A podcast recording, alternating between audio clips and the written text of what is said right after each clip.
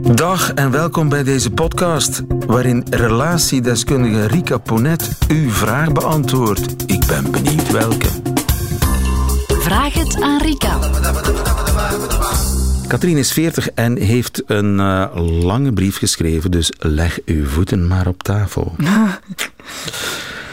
Tien jaar geleden, schrijft Katrien, leerde ik Peter kennen, een gepassioneerde fotograaf die leeft voor zijn werk. Van in het begin van onze relatie was mijn kinderwens een punt van discussie. Ik wou kinderen, hij niet.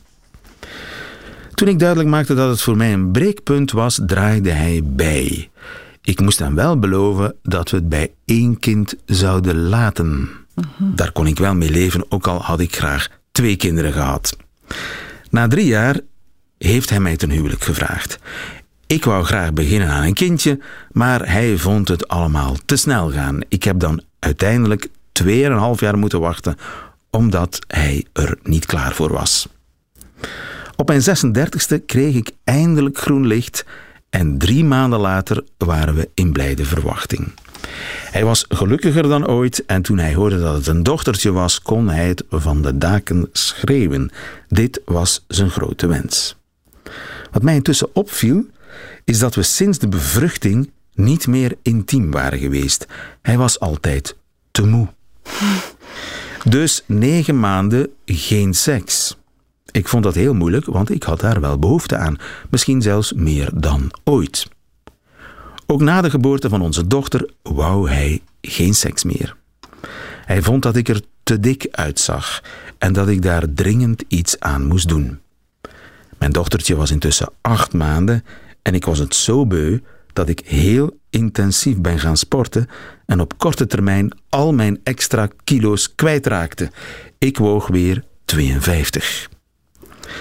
Ik voelde hem af en toe wel kijken en soms kreeg ik complimenten, maar helaas, veel gebeurde er niet. Als ik de stap zette, vond hij dat vaak vervelend, want iemand die zich opdringt, is voor hem niet aantrekkelijk. Als het dan toch gebeurde, was het ochtends, als hij goesting kreeg, en dan was het heel simpel en heel snel.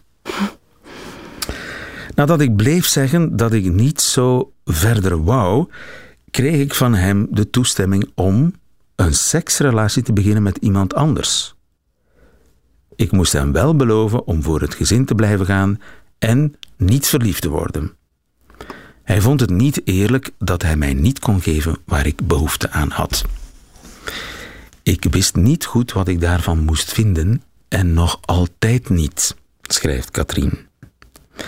Vanaf dat moment stond ik er stiekem voor open om naar andere mannen te kijken op een andere manier. Is hij misschien iemand waar ik seks mee zou kunnen hebben?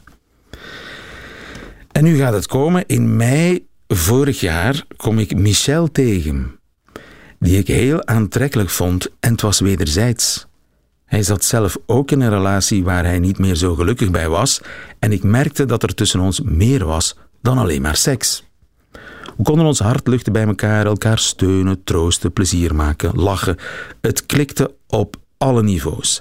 En de seks, iedere keer magisch, verslavend zelfs. Intussen heeft Michel een einde gemaakt aan zijn relatie en zit hij op mij te wachten. Hij hoopt dat ik voor hem kies. Peter is hiervan op de hoogte, want na drie maanden heb ik alles opgebiecht. Hij wil blijven vechten voor ons gezin, ons nest. Hij zegt dat hij mij nog altijd graag ziet, wat ik niet goed begrijp. Hij denkt dat ik een midlife-crisis heb en dat het voorbij zal gaan. Schrijft Katrien. Een echte vraag heeft ze niet, hè? Nee. Um, maar wel een verhaal. Wel een verhaal. En uh, wat, ik misschien het, of wat ik misschien het interessantste vind, is het uh, eerste deel van het verhaal. Um, die kinderwens. Die kinderwens. Het compromis, en, eentje dan. Ja. Goed. En Op het wat, nippertjes is al 36, het kan nog net. Ja, en vooral aan zijn kant uh, de afwezigheid van een verlangen naar een kind. Um, wat dan uiteindelijk toch wel, of hij is uiteindelijk overstag gegaan. En um, wat er dan vanaf de zwangerschap, en dat vind ik toch bijzonder betekenisvol, het is ook iets wat ik wel vaker hoor, uh, in de intimiteit van een relatie gebeurd is. En wat zij eigenlijk tot op vandaag niet begrijpt, uh, heb ik als gevoel. Hij moest haar niet meer hebben zodra ze bevrucht was. Ja, en... Jij, vindt dat, jij hebt dat al vaker gehoord? Oh ja, absoluut. Um, ik weet niet of je bekend bent met het begrip moederwond. Um, Nooit gehoord. Moedermond, ja.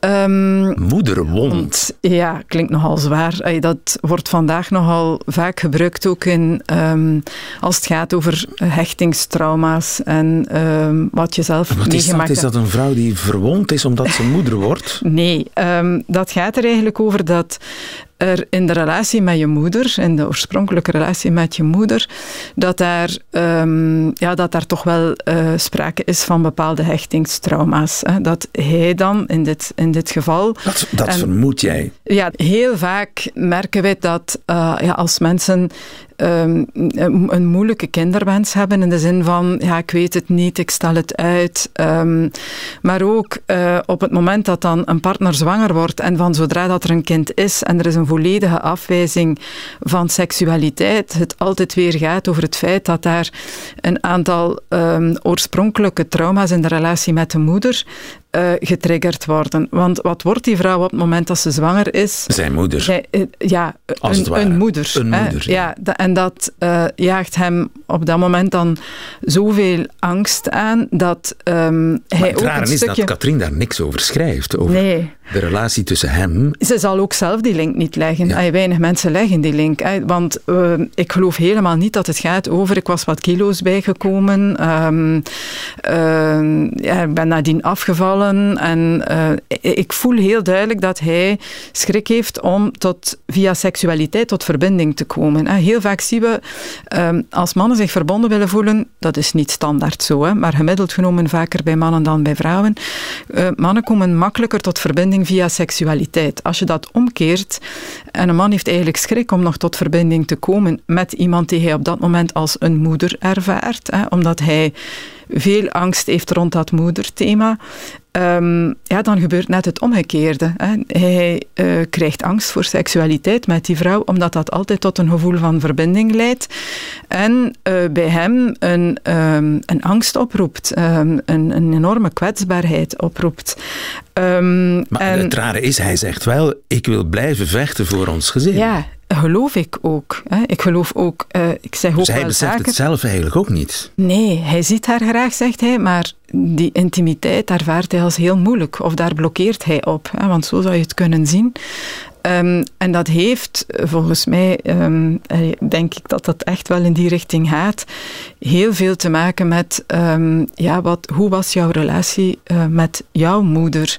En wat zit daar aan moeilijke thema's? En wat zorgt er daardoor voor dat op het moment dat jouw partner zwanger wordt, moeder wordt, Um, ja, dat je daar gigantisch op vastloopt. Jeetje. Ja. Nu, um, is dat nog te redden? Want ja, Katrien heeft intussen die, Iemand die, anders. die andere, ja. die Michelle leren kennen. Die, ja, die allemaal, uh, het, gaat allemaal, het loopt allemaal Ja. wieltjes. Hij Um, te springen om met haar... Uh, Nu, om dit opgelost te krijgen, mocht zij nu nog geen nieuwe relatie hebben, um, ik denk dat uh, je krijgt dat niet zomaar opgelost. Hè. Laat dat duidelijk zijn.